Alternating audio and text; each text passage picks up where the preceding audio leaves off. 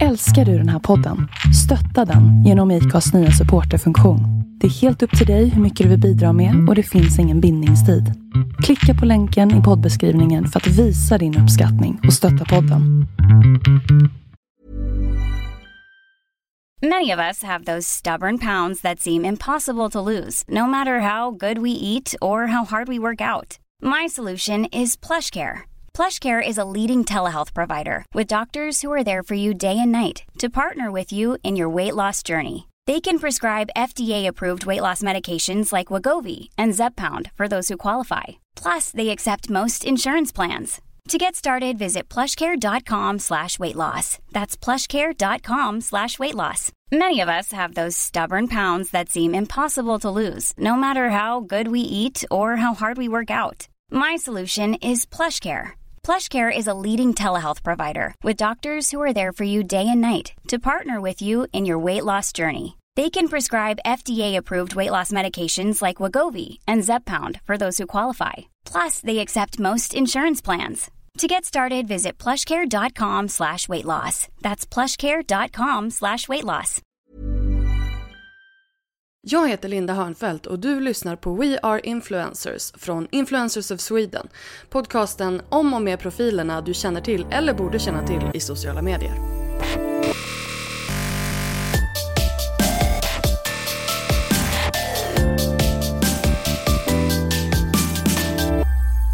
Hej och varmt välkommen till avsnitt 71 av We Are Influencers. Alltså eh, det är helt knäppt att det är mindre än en månad kvar till julafton. Jag vet inte riktigt vad som har hänt med den här hösten. Har du någon, eh, någon aning? Det är ju som sagt snart dags för december. Eh, har du kanske någon julkalender på gång? Jag tänkte att jag skulle samla alla julkalendrar eh, som våra lyssnare och våra medlemmar har på gång på ett, i ett inlägg på Influencers of Sweden. Så att eh, tagga gärna in oss på um, Instagram om du eh, har en eh, julkalender som du jobbar på helt enkelt. Det vore jättekul att se. Eh, jag skulle också vilja ta tillfälle i akt att Eh, lyfta en av våra recensenter som vi, eh, som vi har på, på iTunes. Du vet att du kan eh, gå in på iTunes på We Are Influencers och lämna en recension. Um, ju fler recensioner som vi får där desto bättre hamnar vi på härliga topplistor och sådär och då är det fler som får, um, får nys om oss. Uh, och det tycker vi är ju jättetrevligt. Så därför vill jag gärna lyfta en recension här som Maria Melin från Leva Hållbart har skrivit här på iTunes. Och hon skriver så här. Väldigt matigt och bjussigt blir det i alla samtal. Startade upp en blogg för en månad sedan och eh, har parallellt med det arbetet lyssnat och inspirerats av många avsnitt och fått upp ögonen för många härliga profiler. Även om mycket inte är applicerbart för en nykomling så ingjuter det respekt för branschen och extra motivation. Tack! Tack snälla Maria för den superfina recensionen. Eh, och som sagt, gå gärna in och eh, lämna en, en recension så kanske det är din recension som jag läser upp eh, nästa gång. Och du, jag vill ju veta vem du är. Eh, kan inte du ta en skärmdump nu när du lyssnar på den här podden och lägga upp på din Instagram stories och tagga influencers SE eller Lalinda så jag får se vilka det är, vilka ni är som lyssnar på podden egentligen. Det vore jätteroligt. Um, influencers SE eller Lalinda eller både och. Så till veckans avsnitt. Eh, att Josefin Dahlberg och Vanja Wikströms gemensamma podcast Josefin och Vanja är ett resultat av ett “fuck it, visst vågar jag” moment är inte direkt någon överraskning. Varje vecka peppar de här bjussiga entreprenörerna med personliga stories och slagord som “just do it” och “dream big” Samtidigt så är de inte rädda för att prata om sina misslyckanden och motgångar. Något som de själva tror har varit avgörande för deras framgång. Jag har tidigare haft med både Josefin och Vanja i podden eh, vid olika tillfällen. Eh, och det här var ju precis i starten av deras gemensamma varumärkeskarriär och eh, i början av den här podden. Eh, jag kan länka till båda de här avsnitten i show notes på weareinfluencers.se så kan du lyssna tillbaka på dem. Eh, och det här var ju alltså en välbehövlig uppdatering eh, för både deras enskilda varumärken och för deras gemensamma business. Alltså, vi pratade om bland annat det här med att hur är det att vara beroende av varandras varumärken egentligen? Och hur gick de från podd till gemensam business? Och hur kommer den här affären för influencers att se ut i framtiden egentligen? Och så pratar vi såklart om deras alldeles nyfödda lilla gemensamma varumärke Monjay Club. Här kommer min intervju med Josefin och Vanja.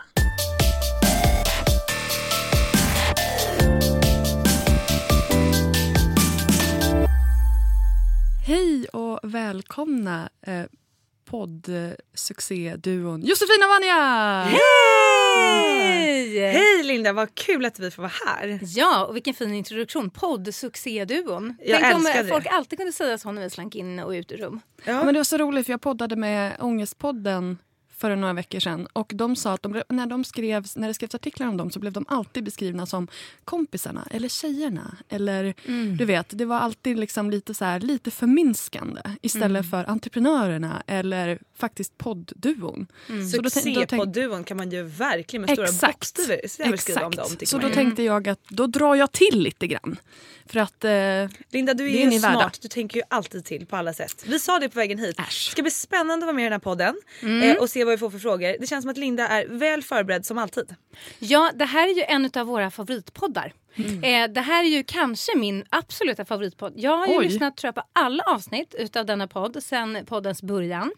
Eh, jag lyssnade givetvis på Ångestpoddsavsnittet också eh, för bara några dagar sedan och reagerade just på den här fruktansvärda grejen att de blev omnämnda som tjejerna, kompisarna och sen så manliga liknande poddduos typ Alex och Sigge. Där var det entreprenörerna, mediakollegorna, programledarna.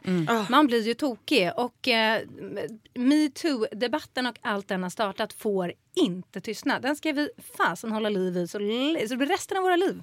Alltså jag tyckte det var så roligt, ni sa det i, en, i er podd bara för, ja men när ni pratade om det, det var så här, ja, men vi, vi hoppas att det här får inte liksom tystna ner. Och det var ju under metoo och sen har det ju kommit fem, sex till hashtags för olika branscher och jag vet att det är en till på gång. Eh, för ja, men den stora branschen som vi rör oss i, mediebranschen har inte sagt någonting. Ah, Här Så finns att, det mycket eh, griseri. Det är här egentligen det har slaskats mest om man tittar på det som har beskrivits i tidningarna so far i alla fall. Precis. Nej, men, Kul. och det, nej, men det är jättekul att ha det här. Tack snälla. Och I'm feeling the pressure. Nej, nej, Jag du gör vet, vi är all about good enough också. Men, jag, jag gör ju research varje dag, varje vecka. Jag, lyssnar ju, jag är nästan som Niklas, jag lyssnar på nästan varje avsnitt. Det är några jag har missat när jag har bara så känt att okej, jag har inte lyssnat på poddar på tre veckor och jag har inte tid att lyssna till kapp. Men, men i stort sett. I stort sett. ja, vad härligt. Jag tyckte det var lite så här, jag måste bara, en liten parentes.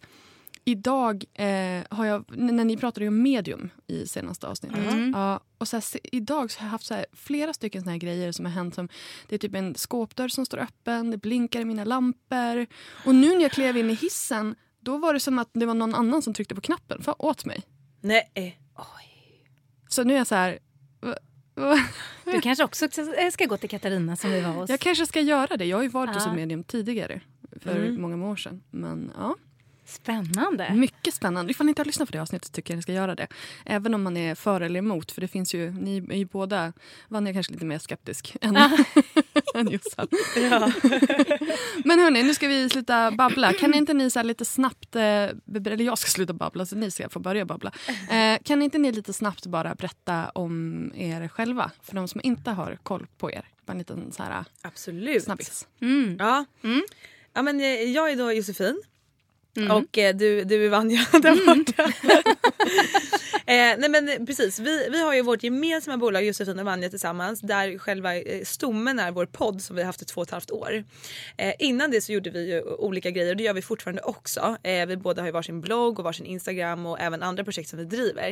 Eh, men, men Josefin och Vanja är ju vår pepp-podd som innehåller allt eh, om livet egentligen. Vi vill peppa på alla plan.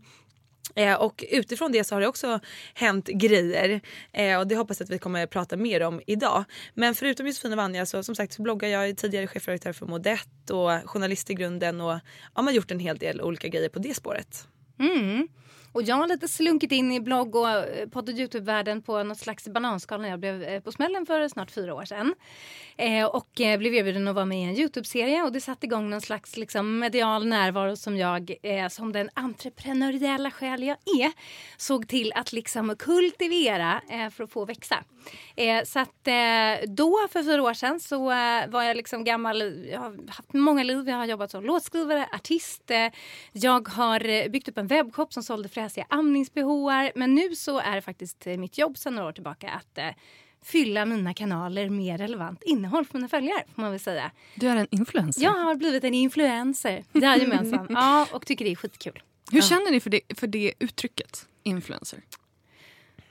Alltså det, men, Tystnaden som, upp, som ja, uppstod. Nej men alltså både och. Jag kan tycka ja. att det kan vara lite negativt betingat att man ska Alltså det här att man ska utöva någon slags eh, influering av folk. Att man ska påverka människor.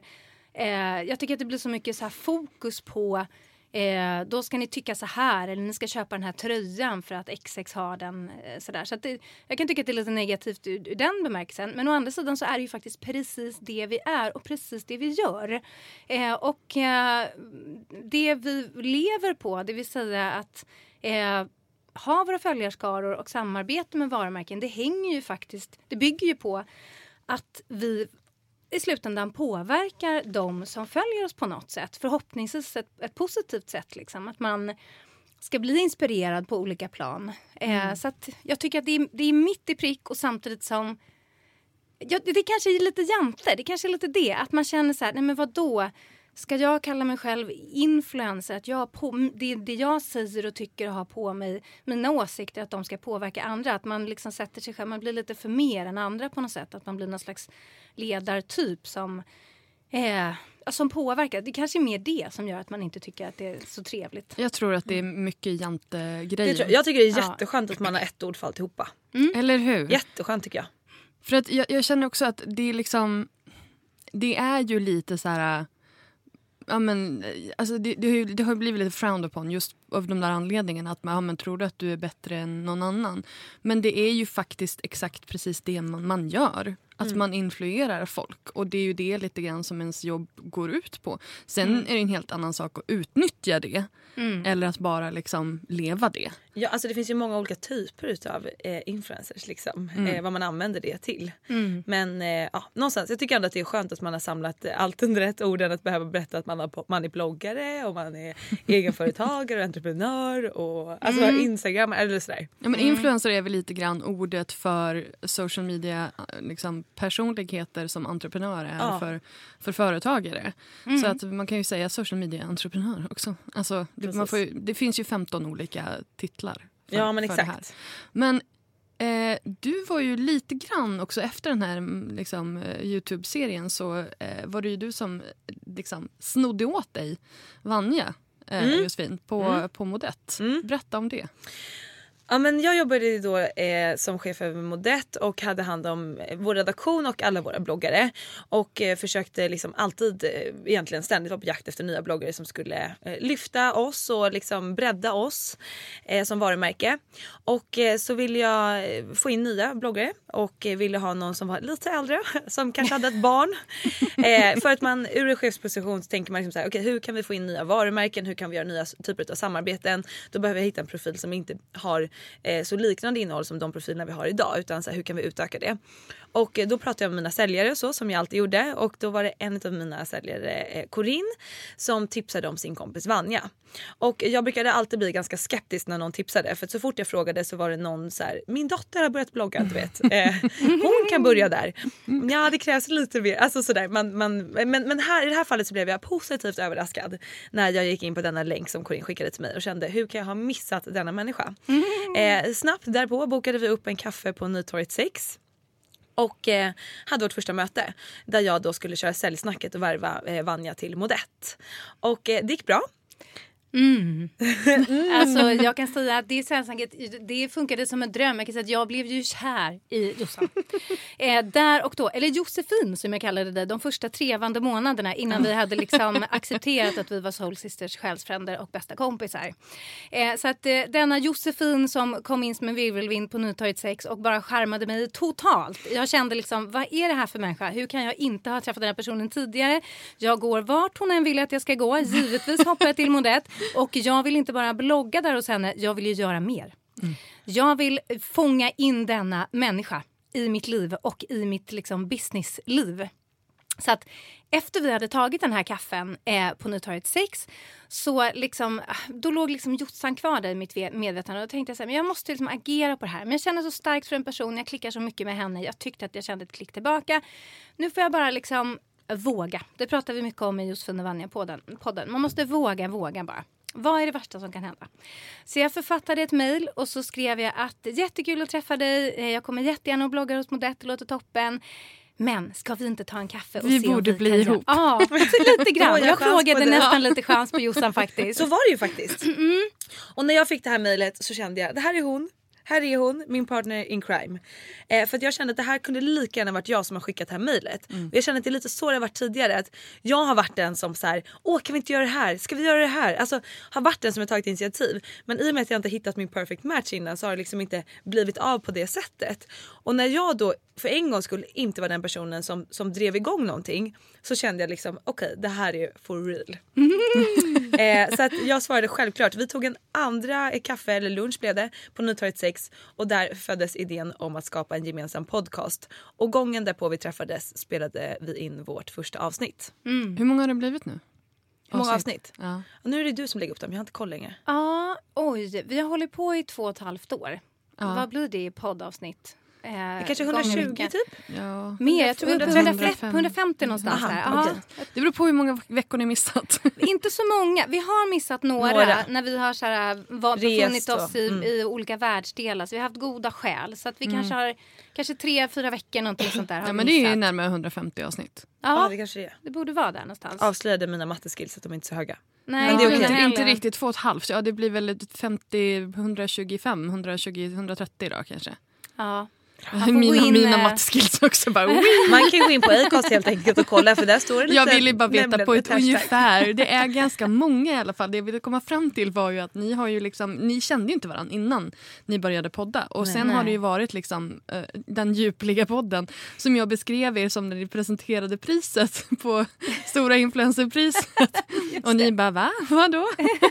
Vi, hörde, vi var så uppe i varv och fokuserade på att vi ska stå på scen så vi hörde inget. Vi trodde att du att sa Josefin och Vanja den ljuvliga podden. Ja, nej, den djupliga podden såklart. Ja, även där, du har alltid gjort din research. Heja dig. nej, alltså jag, jag har ju lyssnat på podden, jag, det kunde ju liksom inte undvika. Nej, men det, det som är poängen är att ni har ju lärt känna varandra i podden. Mm. mm. Hur, hur tror ni att det har varit för, för lyssnarna? För lyssnarna har ju också lärt känna er på det sättet. Mm. Mm. Jättepositivt. Ja. En del av framgångsnyckeln måste jag mm. Just för att man inte är två kompisar, sätter sig ner och snickersnackar och har liksom massa internskämt. Mm. Man pratar på ett sätt som gör att folk kanske inte blir inkluderade i samtalet för att man förstår inte. Och det behöver man inte göra av någon slags eh, med mening. Men jag tror att sådana saker bara sker automatiskt om du, om du är bästa kompis med någon och börjar podda. Att liksom, lyssnarna hänger inte med på allt för att man, först, man hänger inte med liksom på vissa ja, men, eh, interna grejer. Mm. Men här liksom, så fort Vanja berättar något för mig så var jag så här, jaha, har du? Ja, mm. gud. Men vadå, när då? Mm -hmm. Så då ställde man alla våra frågor, frågor som lyssnarna ville ha. Ja. Som man inte annars gör om man redan vet om någon annans historia. Ja. Mm. Så det tror jag verkligen var nyckeln till att vi blev eh, fick sån personlig relation med våra lyssnare. Och jag måste säga att för mig var det lite av en chock när vi började podda.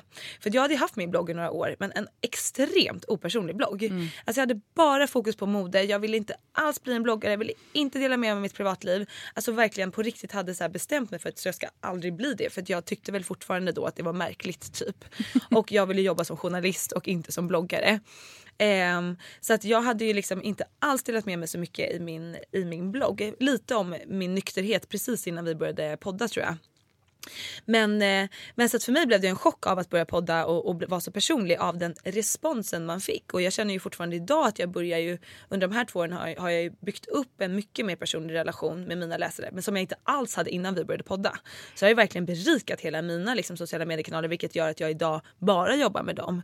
Förut hade jag helt fullt fokus på att jag är chefredaktör, min blogg det är bara liksom för att vi ska kunna, ja men det är någon sidogrej liksom. Men mm. det, det här verkligen förändrade hela, hela mitt liv på något sätt. Mm.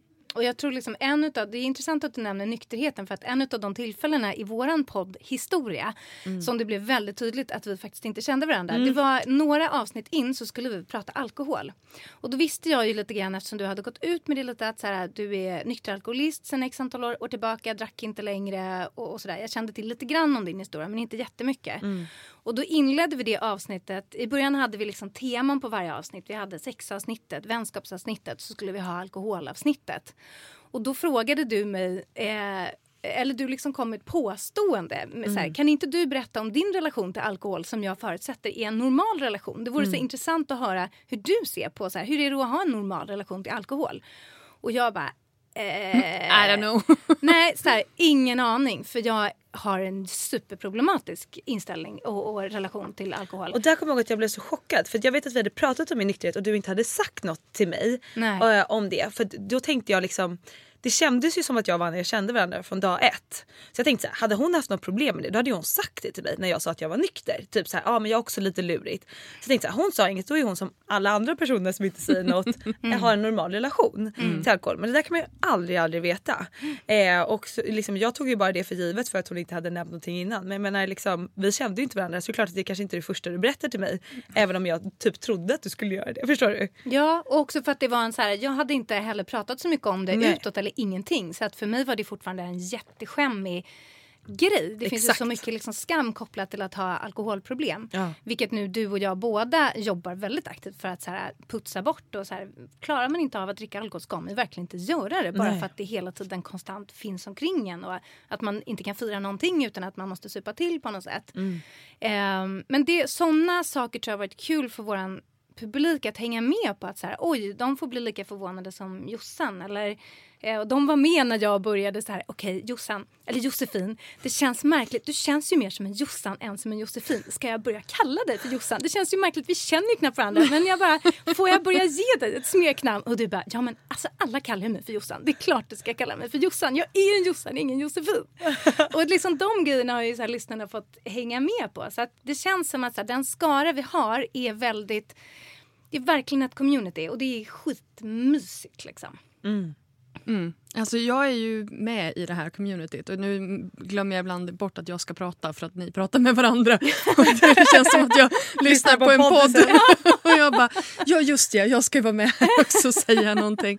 Men alltså, just det här, det här varumärket, två år ungefär. Jag poddade ju med er om det var ungefär precis när ni startade podden eller om det var precis innan. Mm. Mm. Det var i samma veva i alla fall ja, som, jag, som jag poddade med, med er separat. Då, då. Mm. Och eh, då var det ju verkligen inte, som du säger, du var inte alls Josefin, Josefin mm. var inte alls speciellt personlig.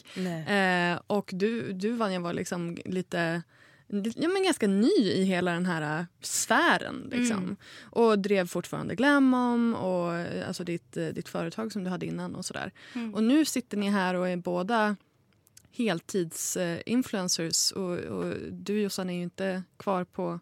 Är du kvar på, på Nyhets24 alls? Nej. Nej. Nej. Du, du lämnade uh, Urban Gloss nu också. Oh.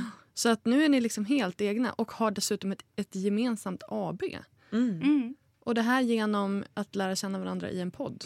Ja. Genom att våga fråga chans. Ja. ja. genom att våga våga. Och också hela grejen med poddprylen är också en väldigt så här, klassisk Josefin och Vanja-grej. Att vi snackar om att våga våga, good enough, just do it och fuck it. Vi har lite så slagord som vi slänger oss med mycket i våran podden. Undra, när ni jobbar vidare på det här, jag undrar hur Nike kommer att känna inför det.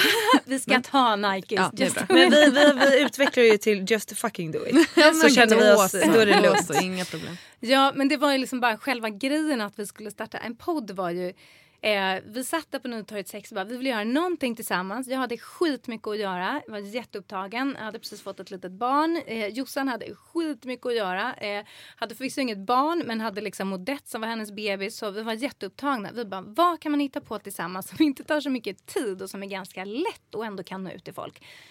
Hmm, det finns ju någonting som heter podcast. Ska vi ge oss på det? Så här, ja, lyssnar du på någon podcast Josefin? Nej. Lyssnar du på någon podcast Vanja?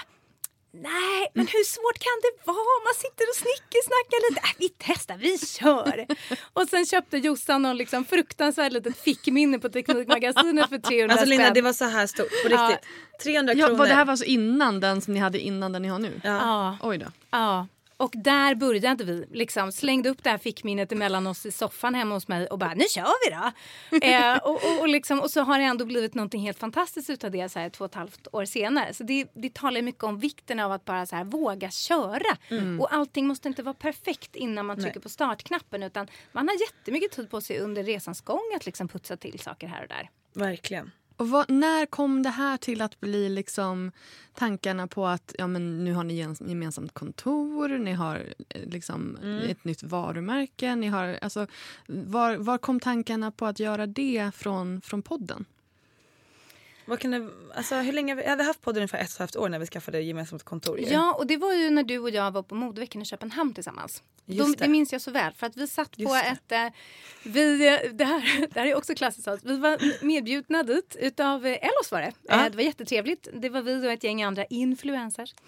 Eh, och sen hade vi jättetrevlig middag på kvällen och ditt ditt. Du bodde på ett fräsigt hotell och sen så dagen efter så var det massa modevisningar. Eh, och eh, jag och Jossan, vi skolkade. Vi slank iväg till ett gossigt litet torg på Köpen, i Köpenhamn istället. Högg varsin glass och så satt vi där och njöt och liksom bara eh, njöt av Var det inte livet. då du skulle bli modebloggare? Eh, ja, det finns ju ett, ett litet modeben någonstans. Ett klädintresseben ska jag säga, inget modeben. Nej, Men, men- och, och, då var det liksom så mysigt. Då sa du till mig, du bara, men alltså Vanja, vi borde ju ha ett gemensamt kontor. Och då så kände jag ju att så här att För då hade jag ju sagt upp mig. Jag Mm. måste bara inflika, jag hade ju sex månaders uppsägningstid. Så att jag hade ju sagt upp mig på våren i och med att man, jag jobbade som chefredaktör men också som profil för hela Modett. Så vi hade Mm. sålt in stora koncept, jag skulle åka till New York med ett varumärke sex månader senare. Där är Margot! Nämen! Hej! Maggie! men ingen Arnold. Nej, ingen Arnold den här Ingen gången. Det är Arnold ovanligt. Kom in! Kom Ja, in kom bara! om du vill. Nu kommer det en influencer till här. Tjenare Maggie! Hon vinkar in mig. Ja, nej men vi, vi bara, hej vad kul att du är här. Ska ni podda eller? Vi har precis poddat. Ah, vad kul! Har det Trevligt. gått bra? Ja. Eller? Ändå bra fråga. Rimlig fråga. Hallå puss, Monjay. Ja, puss Manja, puss puss! Hejdå. Eh, ja, nej men så jag sa ju upp mig sex månader eh, tidigare eh, för att eh, som sagt man var insåld på många projekt och sådär. Så att jag visste ju här någonstans när vi var i Köpenhamn i slutet på augusti att jag skulle bli e- frilans eller bli egen om typ två månader. Och då kände jag liksom nu måste vi ha ett kontor Vanja. För jag tror också vad jag kommer att tänka på nu när du sa att vi var på den här fräsiga middagen kvällen innan. Där fick vi nämligen väldigt mycket frågor om oss som duo. Minns jag att de eh, kvinnorna som jobbade på Ellos, där var liksom chefsdesigner och allt möjligt.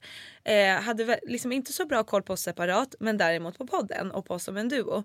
Så då, vi fick väldigt mycket frågor liksom just så här, hur tänker ni? Hur jobbar ni ihop? Vad är nästa steg? Och att det nästan ledde, till, ledde oss in på att så här, nej men nu måste vi lite mer ta ett grepp om det här. För där, fram tills dess hade vi egentligen bara setts en gång i veckan och spelat in vår podd och vi sågs alltså på riktigt i kanske om podden är en timme då sågs vi en timme och en kvart. Jag kom in, tog av mig kläderna, kissade, fyllde på en kaffe.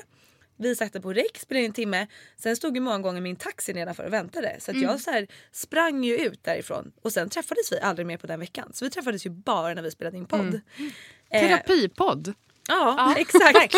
Men sen så liksom kände vi att ja, men nu vill vi börja hänga lite mer. Och i och med att jag visste att jag skulle bli egen så, så fanns ju det som fullt möjligt. Och så här, ja, men nu måste vi skaffa ett kontor. Och då gör vi det på en gång såklart. Ja, Jo, det, här, det här måste ju vara i samma veva också som du eh, inte sålde Glamom men då du gick ner på deltid. Eller du, du lämnade vd-rollen va? Ja, för att jag befann mig i någon slags rävsax. Eh, vilket är klassiskt för, tror jag, många folk med en entreprenöriell dragning eller sida. Att man liksom trillar ner saker i ens knä eller det som kommer i ens väg vill man liksom försöka få växa så mycket som möjligt. Och här satt jag då med ett företag som jag hade byggt upp tillsammans med min kollega Malin. Eh, omsatte 5-6 miljoner kronor. Det gick jättebra för oss. Vi sålde fina amnings-bh liksom. Eh, och sen så bara slank den här sociala medier-grejen in i mitt liv och så liksom försökte jag få den att växa och så gjorde den det gans, ganska snabbt. Och helt plötsligt så satt man med, alltså att vara egenföretagare och driva en e-handel, det var väl ett 150% jobb. Minst. Ja, och att vara eh, bloggare och youtubare och poddare med allt vad det innebär och instagrammare, det är väl ett 150% jobb. Eh, så det blev liksom 300% plus att jag hade en stackars familj och ett litet barn. Och, det blev bara så himla mycket. Det var, inte, det var inte en bra period. Det var en usel period faktiskt. Dels för mig för att jag mådde skit och kände jämt att jag gjorde folk besvikna. Jag jobbade livet ur mig och höll på att krascha på kuppen. Och jag kunde ändå inte göra folk nöjda för att det går ju inte när man har för mycket på sitt bord. Liksom. Mm. Och samtidigt då så är det jättesvårt när man har byggt upp en, en bebis på det sätt jag hade med, med Glamom. Det var liksom min bebis från början till slut. Att på något sätt så här, avsäga sig den eller göra mina kollegor besvikna. Vi hade liksom anställda. Jag hade ju min partner in crime Malin som, vi har, som jag byggt upp det här med. Ska jag liksom gå vidare och svika henne, göra någonting annat med mitt liv? Å andra sidan så vet jag att så här, jag kommer aldrig vara den där personen som sitter 20 år på samma jobb och gör samma sak. Utan jag gillar att driva upp grejer och sen när de är up and running och jag ser att så här, tillväxtkurvan är inte lika brant. Eh, varken uppåt eller neråt. Utan då är det inte så kul längre. Nej, utan Nej. då är jag ju lite klar. Då vill Mm. jag gå vidare till nästa. Det är en typisk entreprenör. Det är en typisk entreprenör och, och då gäller det att man liksom kan förvalta det på något snyggt sätt så att man inte lämnar någon i sticket. Liksom, utan att, eh, så jag brottades länge med att här, försöka få Glamom att funka utan mig. Att eh, försöka ta in någon som skulle göra mitt jobb, hitta en annan som kunde hoppa in som vd för jag var vd för företaget. Eh, men det var väldigt svårt liksom. Eh, och mm, av olika anledningar så, så, så funkade inte det. Så det, det slutade med att vi liksom sålde företaget eh, i januari året därpå. Och först då egentligen så ordnade mitt liv upp sig. För då, först då tog jag ett beslut om så här, men vad är det jag vill och vart jag ska. Men jag är ju klar med Glamom. Mm. Jag är klar, jag kan inte ge det mer. Utan jag är klar och vill andra driva det vidare så får de jättegärna göra det. Och jag gör allt jag kan för att hjälpa dem och göra det så bra som möjligt. Men jag är klar. Nu måste jag få gå vidare med den här grejen. Eh, och um, där var ju liksom min och Jossans pryl en, en stor del av det. Liksom. Mm. Men så att när du då sa till mig på det här torget i Köpenhamn och vi satte med våra glassar att så här, vi borde skaffa ett gemensamt kontor. Då sa ju du det som jag hade vågat hoppas på men som jag inte heller vågade kanske fråga dig om. För jag visste ju att Modette var ju din bebis på samma sätt som Glam var, var min. Mm. Eh, och um, du var ju lika tudelad där. Liksom. Vad ska Mm. man göra med framtiden? Och man har jättestarka känslor för det man har byggt upp och, så där, och de man har jobbat med. Mm. Men då kände jag ändå så här att men nu, nu har vi någonting som vi verkligen kan bygga på. Och det här kan vi, vi kan verkligen bygga någonting utav det här. Så då kände jag bara så här, nu kör vi, just do it, fuck it. Så jag tog upp min telefon på studs, ringde en tjej som jag hade kontakt med som jag visste hade ett eh, kontor som var väldigt fint i närheten av där både jag och Jossan bor. Och sa att tjena tjena, är kontoret fortfarande ledigt? Jajamensan, sa hon. Toppen, vi tar det från eh, första oktober. Eh, och sen hade vi ett kontor, eh, det vill säga drömkontoret som vi kallar för Drömis, där vi huserar numera. Ja. Och det här är ganska precis ett år sedan. Ja, lite drygt. Ja. precis. Mm. Mm. Alltså det har ju, det har ju gått fort. Liksom. Det, det känns som att, alltså i och med att jag har hängt med så känns det som att så här, två och ett halvt år sedan, herregud. Det känns som att det var igår och som att det var tio år sedan. Liksom. Ja men precis. Det Det är- det som är så lurigt med tiden. Mm. Mm. Men alltså, och nu när ni då jobbar så här tätt varandra. Alltså, jag är ju också lite så här... Lite um, kontrollfreak.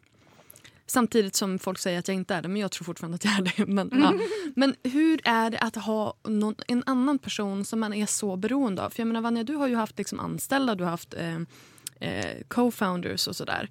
Men det var ju på en helt annan nivå för det var inte offentligt på samma sätt. Eller så här, det var inte era personliga varumärken på samma sätt. Mm. Alltså vad skulle hända om ni skulle liksom jag vet inte, bli osams eller om någon av er skulle vilja flytta sluta eller om någon av er skulle liksom vara såhär, nej men det här är inget kul längre, nu skiter jag i det här och tar ett jobb, vanligt jobb liksom.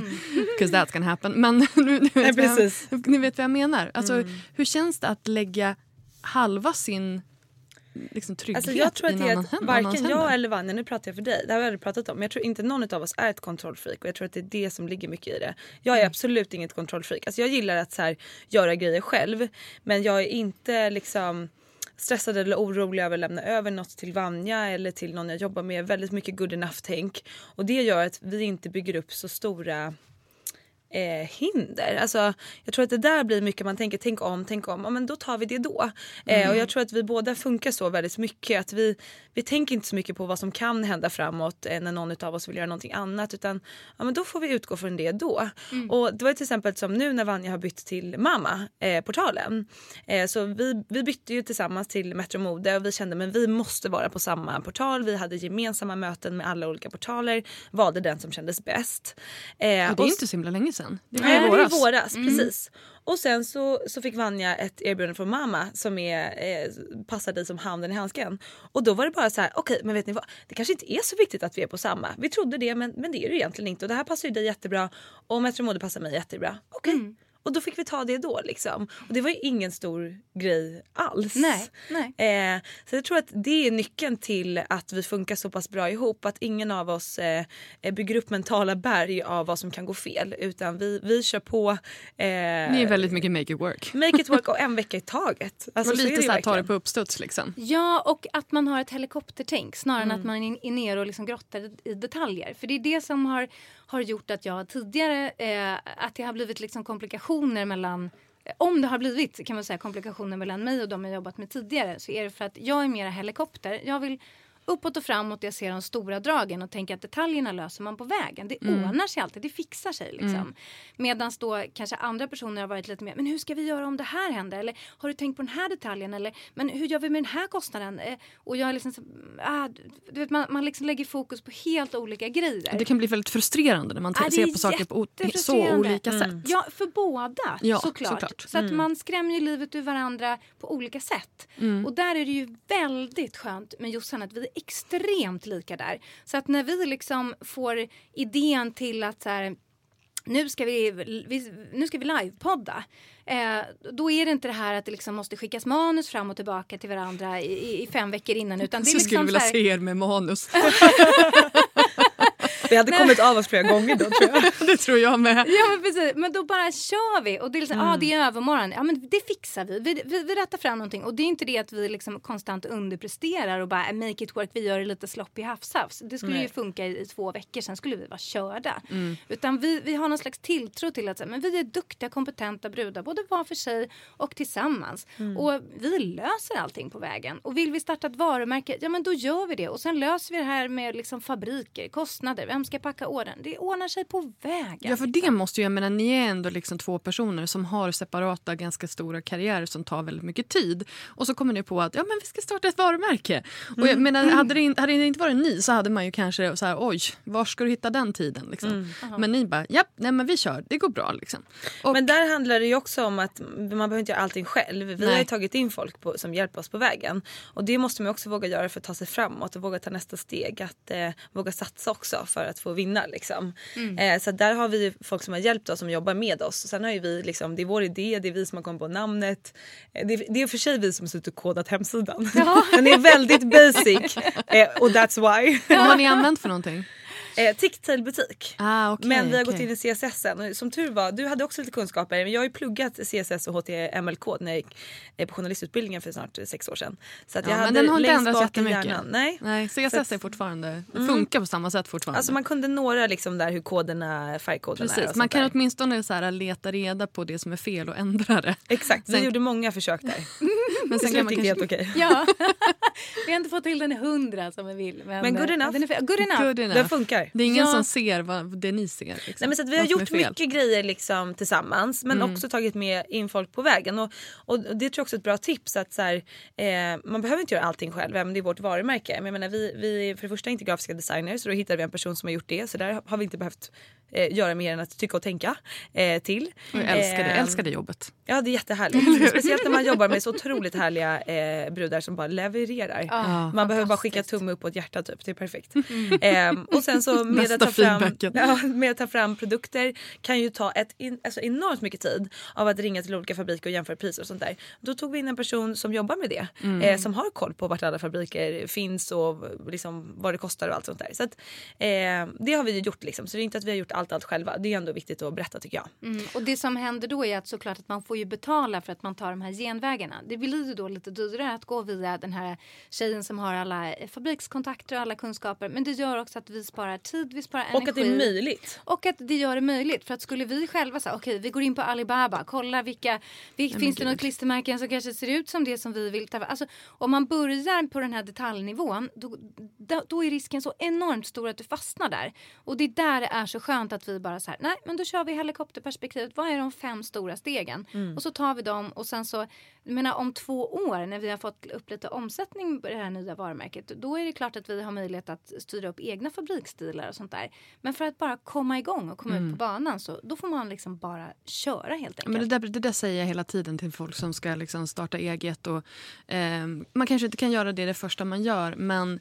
du vet, lägg bort det du inte är bra på så att du kan tjäna mer pengar på det du är bra på. Alltså, ekonomi är ju en jättebra sånt exempel. Just det här att men lägg bort bokföringen istället för att du ska sätta det där och bara kredit, debit, moms. Alltså du vet, huvudet exploderar ju till slut. Jag har tillräckligt problem med att hålla koll på mina kvitton. Det är liksom, det är, det, där går gränsen för mig. Men, och det här är ju ett, precis ett sånt perfekt eh, exempel. Det, det kallas ju investering. Mm, exakt. För att ni ska kunna liksom tjäna pengar på det ni gör i annat fall än att ni ska sitta och använda den kompetensen som ni inte har på de här bitarna och lära er det. Det tar ju så mycket mer tid än om ni betalar någon som redan kan det och så samtidigt så gör ni det ni redan kan och tjänar pengar. Mm. Does that exakt. make sense? Ja Jag kände att jag var absolut. på väg att vira in mig där. Men. Absolut. Mother's Day is around the corner. Find the perfect gift for the mom in your life with a stunning piece of jewelry from Blue Nile. From timeless pearls to dazzling gemstones, Blue Nile has something she'll adore. Need it fast? Most items can ship overnight. Plus, enjoy guaranteed free shipping and returns. Don't miss our special Mother's Day deals. Save big on the season's most beautiful trends. For a limited time, get up to 50% off by going to BlueNile.com. That's BlueNile.com. Hey, it's Danny Pellegrino from Everything Iconic. Ready to upgrade your style game without blowing your budget? Check out Quince. They've got all the good stuff shirts and polos, activewear, and fine leather goods, all at 50 to 80% less than other high end brands. And the best part? They're all about safe, ethical, and responsible manufacturing. Get that luxury vibe without the luxury price tag. Hit up quince.com slash upgrade for free shipping and 365 day returns on your next order. That's quince.com slash upgrade. Wow. Nice. Yeah. What you're hearing are the sounds of people everywhere putting on Bombas socks, underwear, and t-shirts made from absurdly soft materials that feel like plush clouds. Yeah, that plush. And the best part? For every item you purchase, Bombas donates another to someone facing homelessness. Bombas. Big comfort for everyone. Go to bombas.com slash ACAST and use code ACAST for 20% off your first purchase. That's bombas.com slash ACAST. Code ACAST. Ehm, så att det vi pratar om är ju såklart då Money Club. Yeah! Happy money. Jag sa det till dig Money att vi träffades förra veckan. Det låter, jag tänker Mon Chichi. När ni så här, lilla Money. Jag ser de här Mon Chichi framför mig. Du, du är Jag för vet inte ung. ens vad det är. Nej, är för ung, vi är Ja. för gamla. Eller, vad är- det det är för en annan något? generation.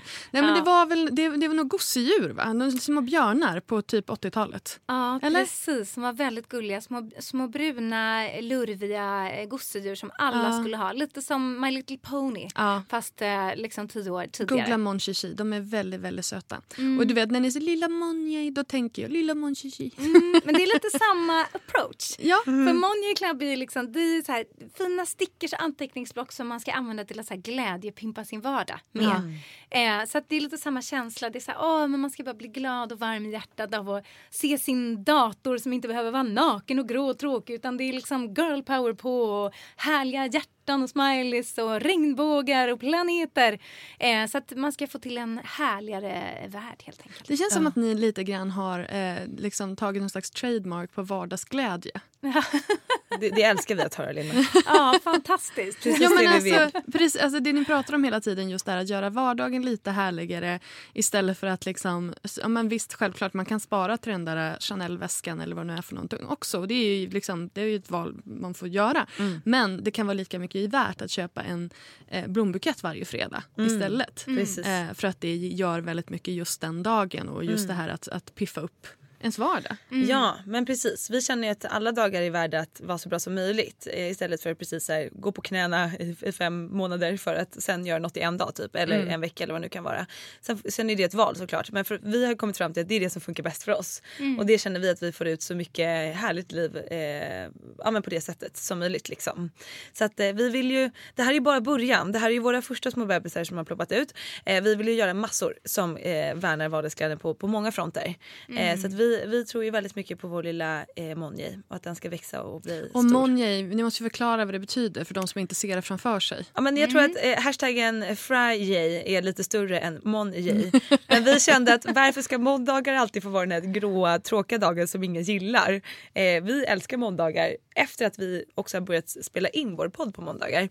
Jag var med i en annan podd förra veckan där hon frågade så här, men liksom, aha, varför, varför gillar du måndagar? Folk blir provocerade av det.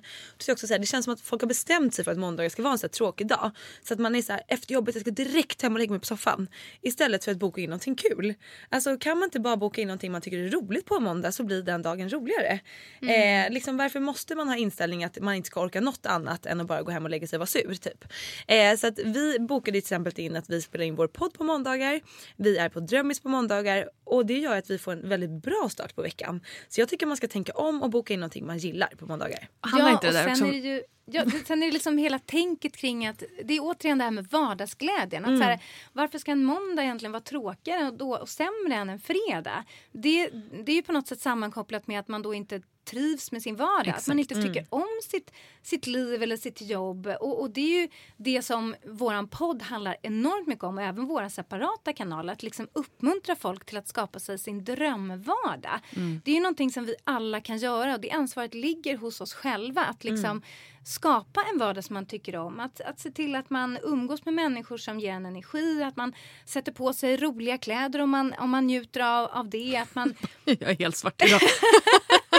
ja, men att Det kan man njuta av också, det spelar ja, men ingen roll. Exakt, Det är exakt. skönt i alla fall. Det var en skön, Ja, skön av det. kläderdag. Men Ja, då det är det det du behöver idag. Att man hela tiden så här bara försöker njuta av sitt liv alla dagar. Att det inte ska behöva handla om att Friday, nu är veckan över. Liksom, Nu kan jag ha, ha ledigt men man kan ju i inte, två man kan inte dagar. gilla sitt jobb då. Nej. Ifall man Nej. tycker att måndagar är det pestigaste som finns. Nej. Jag tycker att det är lite så här, ja jag gillar att sova ut men måndagar är ändå så här, åh nu, nu kör vi igen. Det är lite nyår varje vecka liksom. Ja.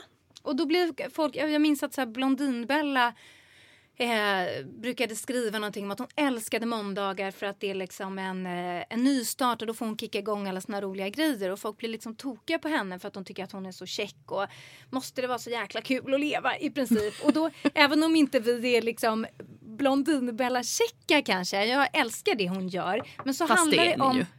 Va? Ja, vi kanske är det till och när, med. när ni har era liksom checka faces on, då är ni fan Blondinbella det kanske är checka. Blondinbella gånger två. Ja. Men det, jag tycker det är Underbart, fint för det handlar ju liksom om att så här, man ska gilla sitt liv. Och man ska Mm. gilla sig, en onsdag ska vara en, en onsday och en torsdag ska vara en thursday. Liksom. Mm. Jag vill inte ha en friday och sen vara missnöjd i sex dagar. Det och, låter tråkigt. Eller hur? Mm. Eller hur? Så att, Så att man, det är lite bara för att ta statement men, men självklart så vill vi att alla dagar ska vara så, så härliga som möjligt. Men alltså det jag tycker, det ni har gjort nu med Monjay är ju liksom det som jag pratar lite grann om nu. Vad händer med influencers när um, Alltså hur ska det utvecklas? Liksom? Hur ska affären utvecklas? Eh, och jag hade ju en liten spaning då, då för eh, ganska länge visserligen, men jag skrev om dem i min blogg förra veckan. Eh, och då handlar det om att man gör då affärer direkt med sina följare istället för att eh, gå via annonsörer. Och det här är ju en sån typisk grej som ni har gjort. Fortfarande på en ganska liten skala om man jämför med liksom ja, men Linda Hallbergs sminkmärke eller eh, Blondinbella. Blondinbellas eller vem grip kan jag kalla det. Men det är ju ändå, det är ändå dit det någonstans är på väg. Va, vad tror ni där? Hur kommer liksom affären att utvecklas för influencers? Tror ni mer att det kommer gå åt det hållet? Eller? Ja, Vad det tänker tror jag. ni? Det tror jag absolut. Det beror, man kan väl säga så här att det beror väl kanske lite på influensen. Mm. Eh, och hur man eh, är som eh, person och även vad man har liksom byggt sin blogg på. Man, man ser ju ganska tydligt tror jag att liksom den här, den, de här två vägarna som fanns för, för tio år sedan. Antingen inspirerade du dina följare och, eller, och läsare eller så irriterade du. eh, och de som levde på att irritera och drog trafik på det. Eh, de kunde ju tjäna jättestora pengar på det. De fick liksom stora eh, löner från portaler, de fick klick, det var affiliates som inte var utmärkta och allt sånt där. Du kunde ju tjäna väldigt mycket pengar på att provocera och vara rätt så grisig faktiskt. Vilket är ju jättetråkigt. Och nu är ju den grejen, eh, den, det här var ju verkligen att sätta krokben för sig själv. För nu är den grejen nästan omöjlig. Eh, Åtminstone i bloggvärlden. På Youtube så frodas det fortfarande. ja, det har du rätt i. Mm. Verkligen, så är det ju verkligen. Men, Tyvärr. men är det ett varumärke så är det det är, är ingen som svårt att vill bygga en- samarbeta precis. med dig. Ja, och och nej. du ska ju också Det då är, ju, ha... det är ju i så fall bara banners och i, i Youtube så är det ju visningar. Liksom. Ja, det är pre-rolls och den typen av grejer. Ja. Och därifrån, där går man ju återigen ifrån det här med siffror till mer innehåll. Vad är det? Vad har du för engagemang i dina följare? Eh, för att kunna bygga ett varumärke så behöver man ju veta att men vi, har en, vi vet att vi har kunder liksom, bland våra följare. För att vi har fått frågor om vart har du köpt dina stickers på din dator? Vart är din ant- anteckningsblock ifrån? Vart är din kalender ifrån? Vi har fått de frågorna i flera år. Det var ju därför vi var så här, men nu måste vi bara sätta oss ner och göra det här liksom. Och få göra det på vårt sätt. Så att det är ju svårare såklart om man har eh, ägnat sina dagar med att irritera. Ja, då blir det inte en himla härlig känsla. Men om vi, om vi pratar lite grann om Youtube. Eh, Vanja, du, har ju en, eh, du och eh, din familj har ju en, en stor Youtube-kanal som ni har lagt lite grann på is nu. Mm. Jossan, du har inte känt att Youtube riktigt var din... är min grej. Nej. Nej. Och jag tycker att det här är lite intressant för alla är så här, gör video, gör video. Och absolut, jag menar Insta-stories gör ni ju jättebra. Ehm, att man kanske skulle kunna köra lite live och sådär. Men det känns ändå som att Youtube, rätta mig om jag har fel, men det är ju väldigt, väldigt ungt till att börja med. Även för, för er, som, alltså även för er, din familj Vanja som är liksom, ja men, jag ska inte säga det högt, men närmar sig 40. Ja, precis. Snart äldst i bloggvärlden. Ja, men alltså jag tror ju att där har du ju... Jag, jag tror ju att du har någonting väldigt bra där i och med att du har en köpstark, köpstark målgrupp på det viset. Men ändå så har du väldigt mycket barn på Youtube jä- jämfört med, med bloggen. Det, så här kan man säga, det stämmer faktiskt inte riktigt. Det, man tror det och det ser ut så därför att det är de som kommenterar och det är de som startar fankonton på Instagram och det är, Det är de som. Ja, det är faktiskt lite, nu ska jag vara jättetöntig och bölig, men det är lite jobbigt för när jag ska tagga mig själv i bilder Mm. då skriver jag ju in Vanja, men jag måste skriva in Vanja Vik innan, innan jag kommer upp högst för det är liksom Vanja, Vanja fanpage, Vanjis, Vanja Vik fanpage, Van, Ja. alltså, det, för det, det är ju liksom deras kultur. Nej, inte vad jag vet om. Nej, Jag hade, men det är jag hade man det för länge sedan faktiskt. I Asså? början när Instagram var.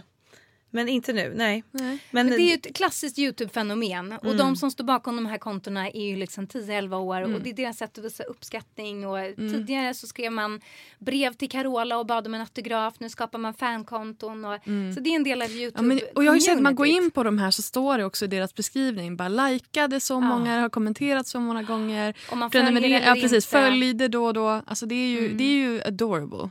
Men det är ju inte så mm, lukrativt. Nej, men liksom tittar man på statistiken där man tittar på demografin på Youtube, på våran Youtube-kanal, då Mm. är det 40% som är mellan 18 och 34. Mm. Så att det är en ganska stor del som är det, men de syns inte. Nej. För att de kommenterar inte. De, de kommenterar ju knappt på bloggar Mm. och Instagram. Men däremot de unga, det är ju liksom deras, de lever ju sina liv på Youtube, de Mm. riktigt små. Så att de hörs och syns väldigt mycket. Så man, man kan lätt få uppfattningen om att Youtube-tittarna är yngre än vad de faktiskt är. Det är ju väldigt stort bland unga. Men Det är inte bara dem, liksom. Nej, och när jag har frågat i min blogg faktiskt nu senast, eh, senaste gången jag frågade i min blogg hur hittade ni hit? Eh, för sånt är väldigt intressant att, att veta hur folk hittar den och sådär och varför de stannar kvar. Då var det så många som hade hittat via Youtube. Antingen genom att, att man kom upp som ett rekommenderat klipp när de tittade på någonting annat. Eh, eller eh, att de gick in och följde kanalen. Eh, eller att det var någon som hade tipsat om vår Youtube-kanal. Och då, demografin på min blogg är ju, alltså det är ju nästan 0% under liksom 18 Mm. år. Där är det ju Men liksom, de orkar inte läsa. Nej, där är Nej, det ju inte 18 alls. till 34, 80, 85 procent eller någonting. Ja. Så att det är ett äldre tittande än vad man tror. Men jag tänker också att det är inte så lukrativt att jobba med Youtube om man inte får samarbeten. Mm. Jag pratade med en, en medlem eh, förra veckan eh, angående det här med annonspengar helt enkelt. Mm. Och då tror jag att han eh, fick kanske om det var sex öre per sidvisning eller någonting sånt. Vi räknade i alla fall ut att han skulle eh, få typ 50 000 i månaden på bara banners. Alltså bara den annonseringen. Jämfört med om man då skulle göra, få samma antal visningar på, på Youtube, vilket jag hade en annan medlem som, som pratade om. Då, den personen skulle då tjäna typ ja, men 7-8 tusen. Mm. Det är ju sjukt stor skillnad. Mm. Va, alltså, jag bara, kan ni analysera? Vad beror det på?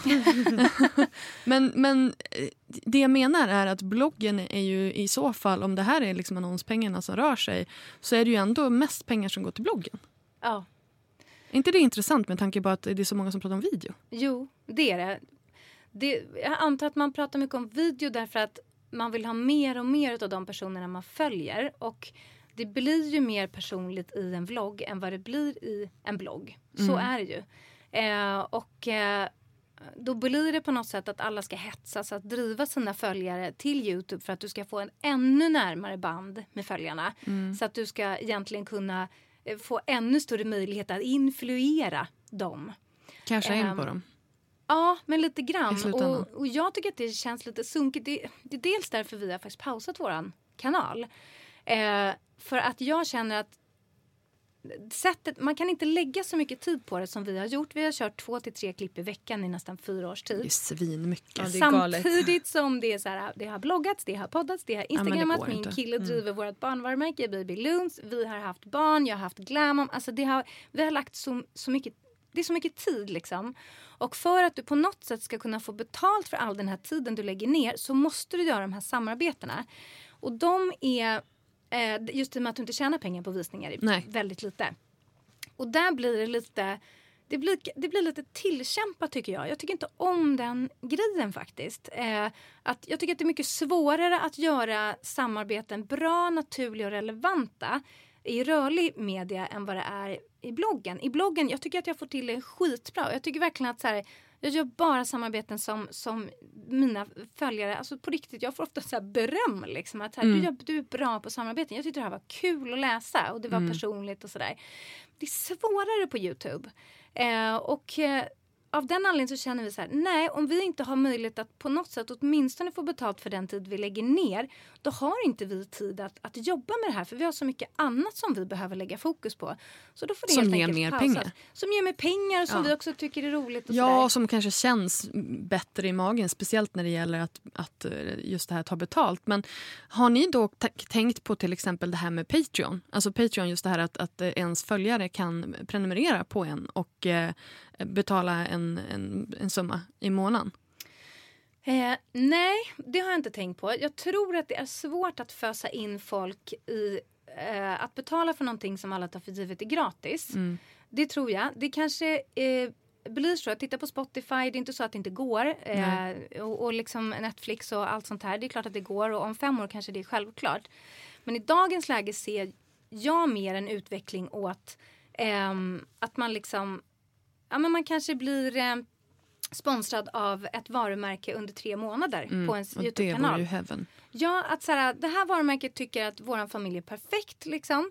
Eh, vi tackar dem i början av varje video. Vi skickar en länk till deras, liksom, det de vill promota just den här veckan i slutet på varje video. Och sen så, eh, så, men sen har de inte mer Att de med liksom innehållet att göra. inom. De äger Ja, men just det här, konceptet. ja, men då är det ju regelrätt sponsring. Precis som man sponsrar Idol eller som man Precis. sponsrar Melodifestivalen. Då är man ju inte inne i Idol och bara kolla den här nya mjölken. Liksom. Nej. Utan då, då är det ju verkligen bara att pre- presenteras i samarbete med, bla bla bla, sponsras Mm. av. Det tror jag är en jättebra grej och det där vet jag folk som kommer att börja satsa på sina, hela sina Youtube-kanaler. Men då Mm. tror jag att det är liksom Ja, det är frågan ifall man ska ligga på Youtube alls då. Eller om man bara ska göra det, kanske att man gör det på bloggen och gör, och gör video istället. För att, eh, ja, alltså jag först, i, när det gäller annonspengar så vet jag inte riktigt vad man har Youtube till. Alltså, Men Youtube, alltså jag är ju inte inne i det här så jag kanske ska hålla käften. Men jag tänker att Youtube är ett väldigt bra sätt att hitta nya följ- tittare. Alltså att man länkas emellan och allt sånt där. Det missar man ju om man, om man verkligen. bara laddar upp i sin blogg. absolut. Och om du ändå får betalt av kunden så kanske det inte spelar någon roll att du laddar upp det på bloggen. Eller på Nej, Youtube. nej, nej, men jag menar att men man kanske ska satsa mer på video som koncept Mm. och inte så mycket på Youtube som kanal. Alltså att man liksom tänker att Ja, okej precis. nu ska jag skapa en, en ehm, jag ska skapa den här, det här konceptet, den här serien eller någonting sånt. Men sen inte så att ja, visst vi pub- publicerar på Youtube men det är inte nödvändigtvis det som är det är inte det som är grejen utan Nej, kanske bloggen man, är den primära. Man kanske går via Youtube mer som en verktyg. Precis. Eh, och sen så kanske eh, en bieffekt är det att du hittar lite nya följare som ett plus. Men du skapar innehållet för bloggen till exempel. Ja men exakt. Och jag tycker att det är liksom intressant när man tittar på hur, hur det hela kommer utvecklas. Jag, jag fick en, en tweet från en eh, bekant tidigare idag för jag hade, skrivit, just, jag hade delat det här inlägget som jag skrev om hur kommer influencers tjäna pengar. Och hon sa det att jag har liksom sagt upp all min, alla mina tidningsprenumerationer, alla mina så som jag inte konsumerar. Och nästa år så kommer jag att lägga alla de pengarna, 500-800 spänn i månaden, på influencers. Via Patreon, via såna, alltså att hon stöttar dem då personligen. Istället för att eh, då köpa vanliga tidningar eller ja, t- alltså den, den typen av grejer. Hon kanske också typ sa upp antingen HBO eller Netflix eller någon av de här, alla de andra och istället stötta influencers. Och det tyckte jag var en jäkligt fin tanke, så här, att hon verkligen la in det i sin mediekonsumtion. Och jag gör det också, jag har liksom några stycken som jag, som jag stöttar på Patreon. Så att, ja, jag tycker att det är en intressant utveckling. Och jag tror verkligen att ni som har liksom ett så starkt varumärke som både gemensamt och separat, att det skulle kunna vara en idé. Ja, tack för det. Ja. Vi tar med oss. Ja, absolut. Vi skriver ner det i eh, bra, bra idéer-boken helt enkelt. Vårt Dream Big-block. Precis. Från ja, men någon och då är det ju liksom, jag menar såna här, alltså att man gör livepoddar och att man gör såna grejer som du säger med, liksom, med varumärken. Eh, som man gör liksom en, större, en större grej. Men alltså, ni har ju också varit väldigt så här, mm, även fast ni är väldigt käcka och väldigt glada så har ni också varit väldigt öppna med de mindre bra grejerna. Och när ni båda två har varit på, på väg att springa in i den där stenhårda väggen och när ni har väldigt mycket och sådär. Hur, hur jobbar ni inte? Alltså liksom, när ni, hur är ni lediga när ni är lediga?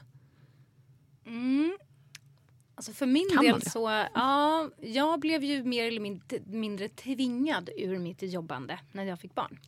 Mm. Innan dess hade jag jobbat hela dagarna, jobbat hela helgerna, jobbat eftermiddagen. Eh, inte för att jag var tvungen utan för att jag tyckte att det var skitkul. Och så lättillgängligt. Och så lättillgängligt, Ja. vilket är livsfarligt. Och det är ju som vi alla vet, det är ju oftast inte de som hatar sina jobb som går in i väggen. Utan det är Nej. de som tycker att det är jättekul. Liksom. Och det är massa roliga bollar man springer på, man skapar grejer och sådär. Men när jag fick barn, det var ju en chock utav eh, jordens like. Alltså därför att helt plötsligt så gick det inte. Eh, jag hade någon annan som blev någon slags diktator över mitt liv och min tid. Och det var skitjobbigt eh, till en början. Jag kan fortfarande bli så frustrerad över det. Men jag vet också att det var förmodligen det bästa som kunde hända mig.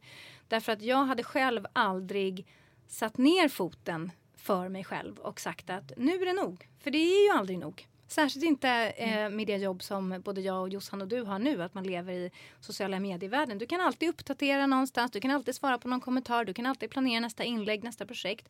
Så att ehm, ehm, numera så är jag helt ledig egentligen från det att jag eh, kommer hem och det är senast klockan sex.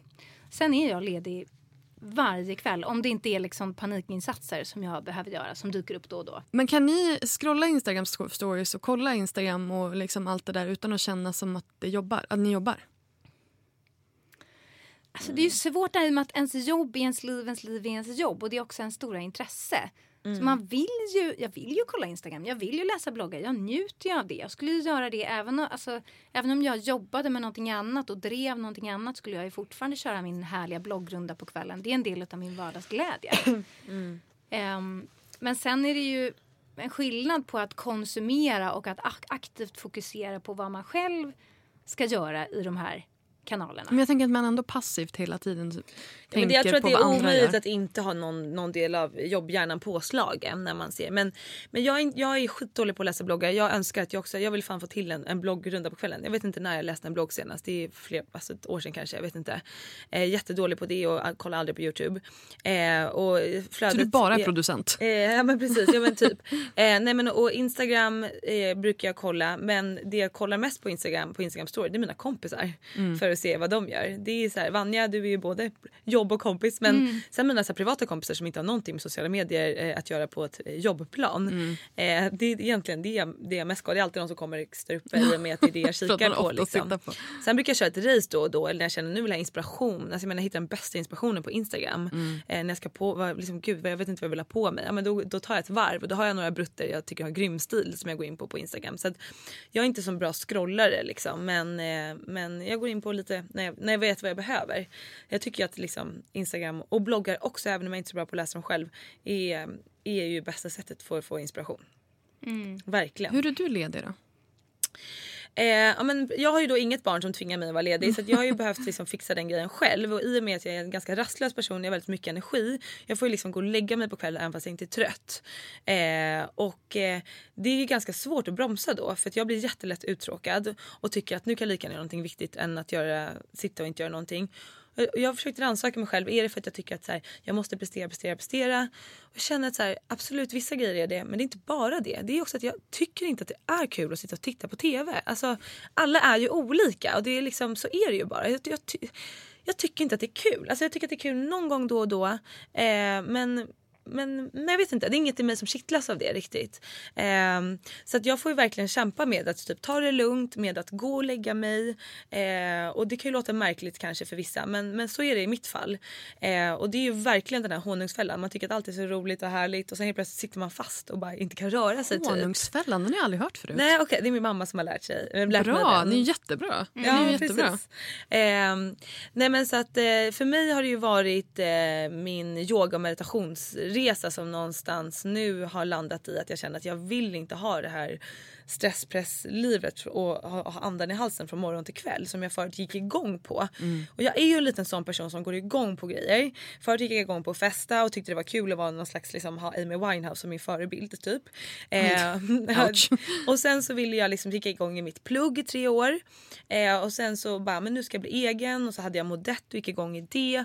Och då gick jag igång på att så här, prestera. Jag tyckte det var kul att svara på mail tre på natten. Alltså att jag liksom vara så här lite utanför ramarna hela tiden. Mm. Men och vissa saker är ju jättebra med det. Man tar sig framåt, man, man kommer någon vart. Men det finns ju verkligen faror med det också. Och nu har jag någonstans liksom kombinerat jobbprylen med att gå all in i yoga och meditationsgrejen. Vilket gör att jag hamnar på en ganska bra nivå. Eh, så att jag är ju ledig typ när jag mediterar och yogar. Och nu försöker jag få in det i min vardagliga liv. Eh, och då blir jag verkligen ledig där då. Och sen när jag hänger med mina tjejkompisar. Eh, då är det liksom, det kanske är någon mobil framme för att man tittar på något kul som alla tittar på tillsammans. Men det är inte så här sitter och scrollar liksom. Utan då umgås vi verkligen. Så att det är väl de tillfällena. Eh, förutom det så är man ju nästan alltid uppkopplad och gör någonting på något sätt. Vissa grejer känns ju knappt som jobb för att man tycker att det man gör är så kul. Men. Jag tycker den där var väldigt bra. ja, precis. Jätte, Jättebra liksom, liknelse. För det är som du säger, att man tycker allting är så himla härligt och helt plötsligt så då kan man inte röra sig. Nej liksom. men exakt. Ja, men och jag har ju varit, både jag och Vanja har ju varit där. Eh, och det är inget kul liksom. Det är ingenting att eftersträva och det, det ska inte vara coolt med att jobba hela hela tiden. Det tyckte jag verkligen förut. Att liksom jag var häftig för att jag gjorde saker hela tiden. Och nu har det varit så i några veckor. Jag känner bara så här, nej. Eh, det, är inte kul. Så, det är inget kul. Eh, det är inte så jag vill leva mitt liv. Jag vill kunna chilla också. Men ni är ju... ehm, alltså, det är en ganska stor åldersskillnad på er. Ja. Eh, Det är alltid jättestor åldersskillnad på mig och alla andra som jag träffar i Inte mig. Nej, inte mig. dig. Det känns skönt att ha någon så här. ja, men vi är bundsförvant. liksom men jag är ändå samma... äldre än dig, eller hur? Ja, det är du. Ja. Tror jag. Jo, det. När är du Hur född? gammal är du? 78? Jag är född 78. Ja, jag är född 80. Så Ah, två år eller? Ja, du ser. Mm. Ehm, Men vad är det då? Det är nästan tio års skillnad på er. Jag tror vi är 11 år. Ja. Det är som jag och min lilla syster. Parentes. Eh, Men vad, vad finns det för fördelar respektive nackdelar att driva företag ihop när man har så, så stor åldersskillnad? Som, som, som att det, men det, det är inte liksom det är inte jättestor, men ni förstår vad jag menar. Nej alltså det låter mycket med 11 år men, men eh, jag tror att hade vi liksom, jag varit 20 och Vanja varit 30 då hade det nog märkts mer än nu.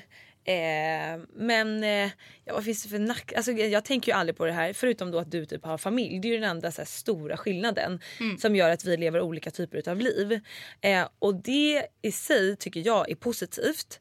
För att hade vi båda varit eh, som jag till exempel och gått ut och festat på helgen och gjort massa grejer tillsammans. Då tror jag att så här, eller jag tror att det är, en, det är ett plus och varför vi jobbar så bra är för att vi inte gör allt, allt, allt ihop. Eh, det tror jag är en, en jättestor eh, fördel med våra åldersskillnader som därmed har bärt, eller medburit eh, olika typer av privatliv. Alltså vi jobbar tillsammans, vi har en privat relation men vi umgås inte så mycket privat. Eh, och det tror jag är nyckeln. Jag tror att det är svårt att få det att funka så pass bra som det gör mellan oss om man gör allt, allt, allt tillsammans. Sen funkar det säkert också, absolut. Men jag tror att man får större utmaningar då. Håller du med? Ja, absolut. Det gör jag verkligen. Och Du sen bara så- nej. Jag ser på det så här. Första gången någonsin. Vi tycker helt olika. Nej, men, och sen så tror jag att alltså, våra olika liksom, åldrar, åldrar det gör att vi får lite olika perspektiv på grejer som Absolut. såklart är roliga när vi poddar eller i alla projekt som vi liksom tar oss an. Eh, men sen så tror jag att om vi hade känt av den här åldersskillnaden på 11 år, om vi hade tyckt så oj vilken stor jäkla grej det är, då hade ju vi aldrig gillat att hänga ihop tror jag. För hur mysig är den grejen? Om den ena känner sig jättemycket äldre eller den andra känner sig jättemycket yngre, då blir det liksom en märklig obalans. Så att mycket av det som gör att vi också jobbar så bra ihop är så här att åldern spelar verkligen ingen roll utan det är ju våra personligheter och våra sätt att vara eh, och jobba som, som funkar så bra. Eh, så att eh, det är liksom det, är ju jordens största klyscha men det är ju också sant. Ålder är ju bara en, en siffra liksom. Eh, och ehm, Det är ju aldrig någonting vi tänker på. Nej, Nej, absolut. Precis. Men jag jag, tänker- skulle aldrig liksom tänka att, att oj, Jossan är så himla mycket yngre än mig. Eller, alltså, utan det, det är ju en mental skillnad. Det finns ju de som, det vet man när man gick i högstadiet som var tanter och gubbar redan då. Och det finns de man umgås med idag som beter sig som 17 eller nej, de har man slutat umgås med. Men alltså det finns ju vuxna människor som närmar sig medelåldern som beter sig som tonåringar. Så det är ju mer utav eh, livserfarenhet, eh, mental inställning och personlig utveckling som, som resulterar i någon slags mental ålder tror jag. Absolut. Jag tycker att det du säger om just det här att man har olika perspektiv på saker eh, är ju en väldigt bra input där. Och jag tänker också att det kan vara en bra grej för era Alltså för era målgrupper, att bredda era målgrupper lite grann. Att, det, att man känner igen sig. För jag menar, jag har, jag, jag har svårt att lyssna på en podd där det är två, du är inte 22, men om det är två 22-åringar som står och sitter och pratar. För jag känner att samma anledning som jag inte riktigt kan titta på den typen av Youtube-kanaler. För jag känner att nej men jag har I've been there. Liksom. I'm moving on. Men i det här fallet så är det som att det är, så, det är två olika infallsvinklar i vissa fall.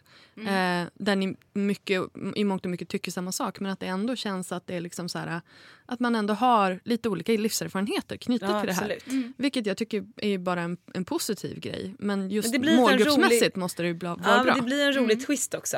Ja. Alltså det är som nu när jag berättar att jag äh, dejtar via Tinder och Vanja berättar om när hon dejtar via annonser i Metro. Alltså det blir ju rätt kul. Alltså, det var väldigt roligt. Det var modigt av dig tycker jag. Nej men sådana grejer är ju kul liksom. Nej men eh, ja. Så gammal är inte ens jag. Nej, nej det är jag. Jag knäcker alltid alla. Men jag spraydejtade. Minns du spraydate? Ja, det gör jag. Nu när du säger det här. Ja, det, det, det. där har jag ju hittat ett antal. Plus att jag träffade en av mina tidigaste eh, pojkvänner, ja, jag var typ 22. Vi träffades på random ICQ. Minns du ICQ? Uh-oh. Ja, nu Ja. när du säger det. Mm. Ja, det gör jag ju. Alltså du vet, det var typ föregångaren till MSN, till Messenger, till alla de här. Liksom, Den första chatt, eh, lite sån här chattprogram som man laddade ner då till PC. Ehm, och där kunde man då ställa in så att man ville, kunde hitta personer i sin omgivning. Typ, jag vill, ha någon, jag vill Wow. ha en snubbe i min stad som är i den åldern som jag vill prata Typ med. som liksom alla appar idag. Typ, exakt. Men då, kunde det, då dök det upp en kille. Så en person som var så här, okej, varsågod den här får du prata med. men så gud. träffade jag en, en pojkvän. Det är fantastiskt. Vi Wow. varit tillsammans i ett och ett halvt år. Men vilken grej. Det funkade redan då och ändå så, så kan folk eh, nästan fortfarande inte sluta rynka på näsan åt folk som träffas via kontaktannonser Alltså, eller på är nätet. inte det märkligt tycker jag? Att folk såhär, jo vi träffades faktiskt på Tinder. Jag är såhär, ja okej. Alltså, är det Jag, något jag är lite, konstigt? man finns, finns det träffas något annat sätt att, exakt, finns det något annat alltså, sätt att Jag träffas? tycker att det är så märkligt. Ja. Det, är, som- det är väl självklart att man träffas via någon sån app. Ja men precis. Alltså, Alltså, ju- jag minns att ja. jag blev ju intervjuad av ja, men typ Amelia eller Veckorevyn eller något sånt där för typ tio år sedan där jag pratade om nätdating. Då var det väl så här, då var det väl lite så här frowned upon. Och, och jag var liksom någon form av expert. Jag, hade ju inte, jag hade ju inte träffat, det var inte så att jag hade ett förhållande via nätet men jag hade dejtat en hel del så det kunde jag. liksom. Eh, nej men så att, jag vet inte vart jag skulle komma med den här historien. Du bjussade lite. Det här är utvecklas, det är underbart. Vi skriver ju inte på skrivmaskiner längre. Vi jobbar Nej. på datorer, vi träffas på Tinder. Det är inte så konstigt. Nej, Nej. men precis. precis. Eh, jag ska låta er gå nu för nu börjar Gud, vi dra att vi ut på tiden. Ja, men alltså- Jag har ju till och med smsat min snubbe att jag hinner inte hämta. Nej, vi, jag, tror att vi, jag tror att de kommer att kasta ut oss härifrån snart så vi har bokat, bokat studion bara tre minuter till. Men alltså, eh, ni får bjuda in mig till Josefin och Vanja. Ja, det så var vi bra. pratar vidare. Absolut. Jättebra idé Linda. Ja. Så får vi liksom joina, vi får gästa varandras favoritpoddar. Det är ju underbart. Som en, liksom, Eller hur? en härlig bjussig brudloop. Underbart tycker jag. Jag det älskar får det. vi Det styra är så pay it forward. Liksom. Ja. Men alltså, eh, vill ni då... Jag brukar ju alltid be om tips, ni har gjort det här förut. Men vill ni ge någon sån här eh, gemensamma duo-tips?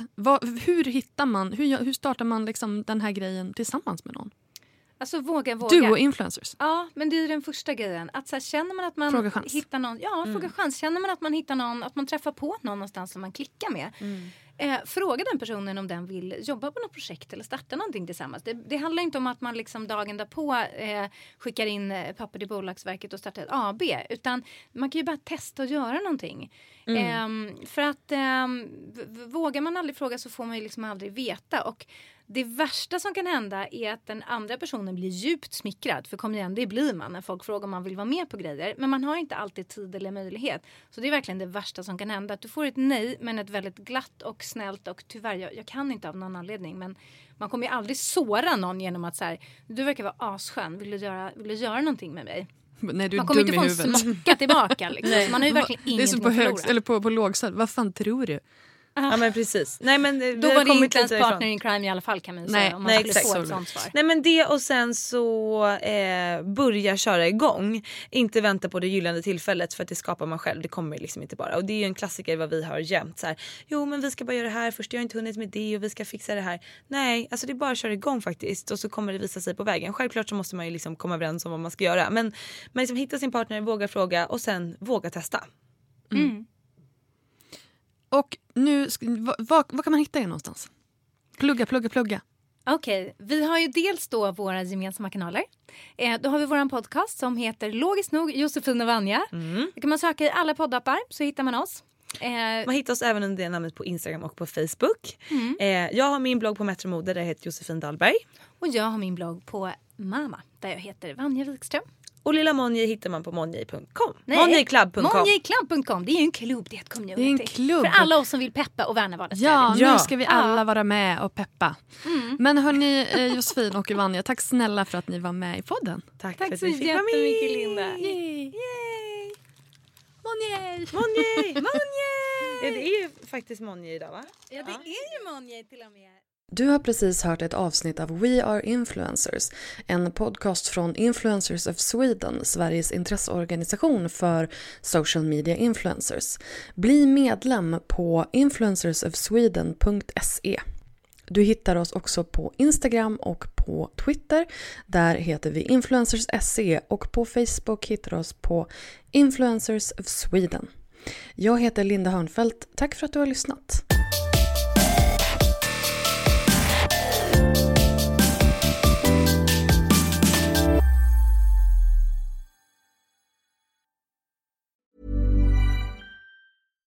Hi, I'm Daniel, founder of Pretty Litter. Cats and cat owners deserve better than any old fashioned litter. That's why I teamed up with scientists and veterinarians to create Pretty Litter. Its innovative crystal formula has superior odor control and weighs up to 80% less than clay litter.